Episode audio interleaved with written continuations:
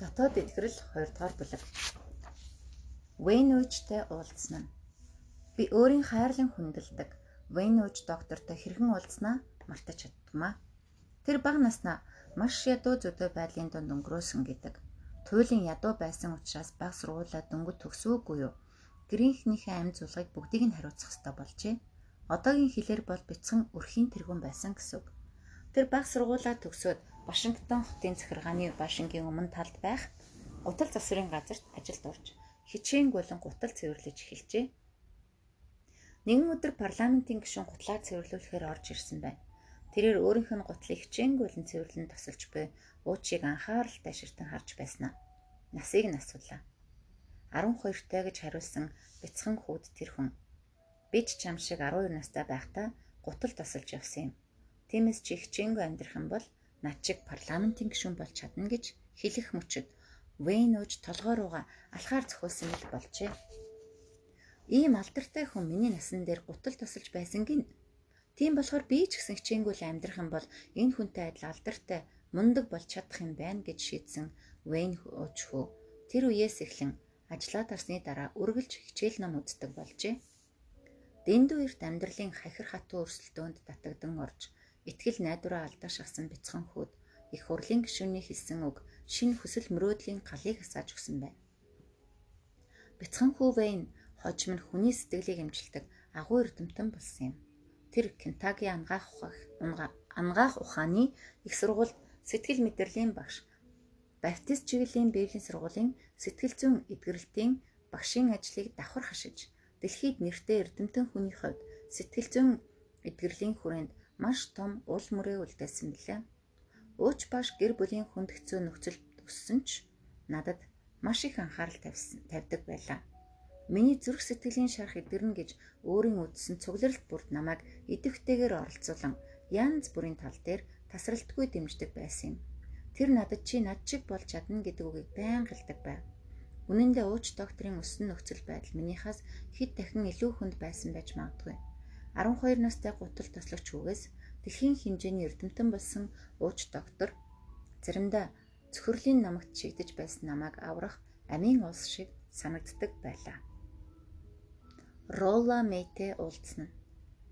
Үнэн дээр би Рола Мэйтэй шууд нүр тулан уулзаж байгаагүй боловч түүний үзэл бодол хүн төрлөختнийг хайрлах харийг нь харахтаа сэтгэлдээ тоо томшгүй олон удаа ярилцаж байсан юм. Тэр жижиг биетэй нэлээд дотогшоогоо зан чанартай хүн ажээ. Бага насндаа YMCA-ийн ажиллаар энд тэнд очиж авралын зар тараадаг байсан эцгээсээ шалтгаалan байнга ийш тийш нүүдэг байсан гин.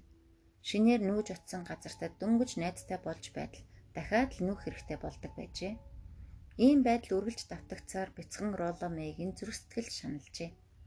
Тэр маш дутагшоогоо зантай хүн болсон бөгөөд бусадтай сайн нөхөрлөж чадахгүй ганцаардаж байгаад эцэст нь уушигны сүрьяд тусч өөрийн залуунасаа байнгын үхлийн айдас дотор өнгөрүүлжээ.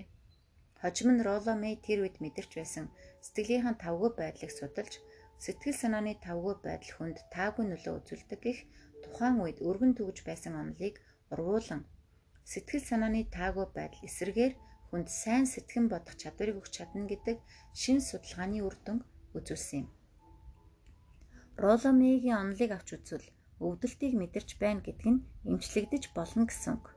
Үүн дээр тулгуурлан өгөхөө сэхүү гэдэг салаа замын уулзуур дээр хурж ирсэн уушигны сүрья өвчтэй хүнийг жишээ болгон дурдж байна.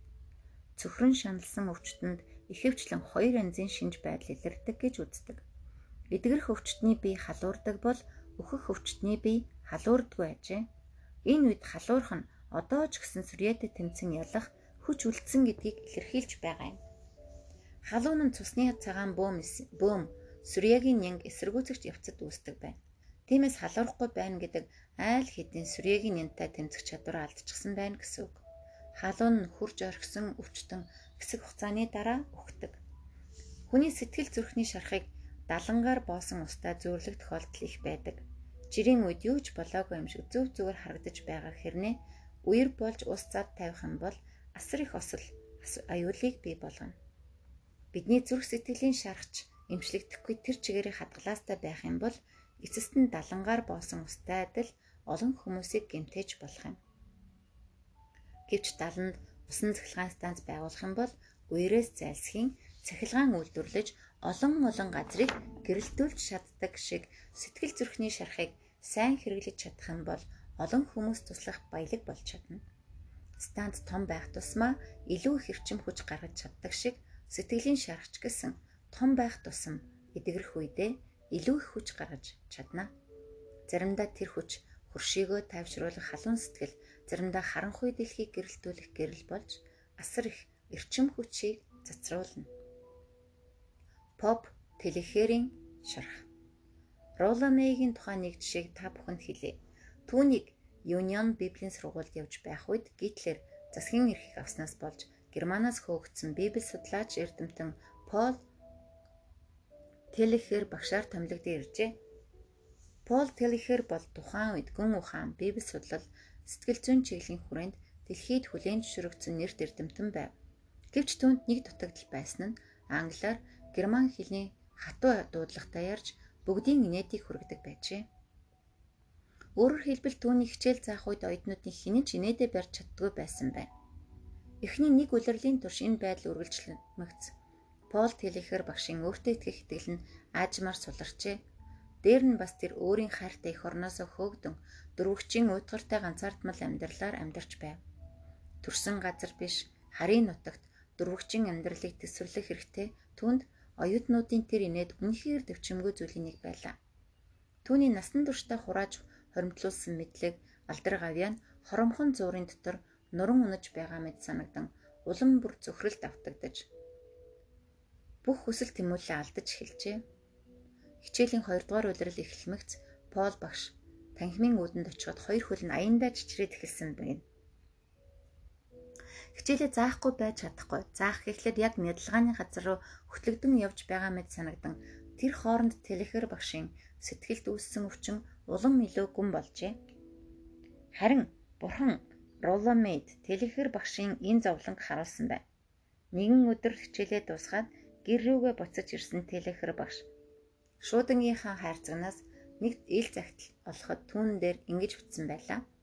Багшаа та хүчтэй байгаарай Бидний инээж байгаа нь таны дуудлагаас болж байгаа болохоос биш хичээлээс чинь огт болоогүй юм шүү. Таны хичээл бол үнэхээр гайхалтай. Тиймээс бид инээлэж гисэн хүчтэй байгаарай. Бид бүгдээрээ таныг хайрлаж хүндэлдэг. Ролла Мэй. Тэр орой ил загтлыг уншиж дуусаад телехэр багш нулимс асгаруулан чангаар уйсан гинэ. Оройныхоо хоолыг ч идэлгүй удаан хугацаанд сэтгэл хөдлөн сууж байгаад дэвтэртээ ингэж бичсэн ажээ. Нэг хүн нөгөөгийнхөө сэтгэлийн зовлон ойлгох нь ийм гайхамшигтай байхад гимтэй хүн төрлөختний өвчин зовлон гэдгээхийн төлөө ирсэн их эзний төв хичнээн гайхамшигтай вэ. Тэр өдөр Пол Телехер багшийн халуун сэтгэлээр бичсэн ном нь алдарт системт теолог судлалын 2 дугаар дэвтэр юм.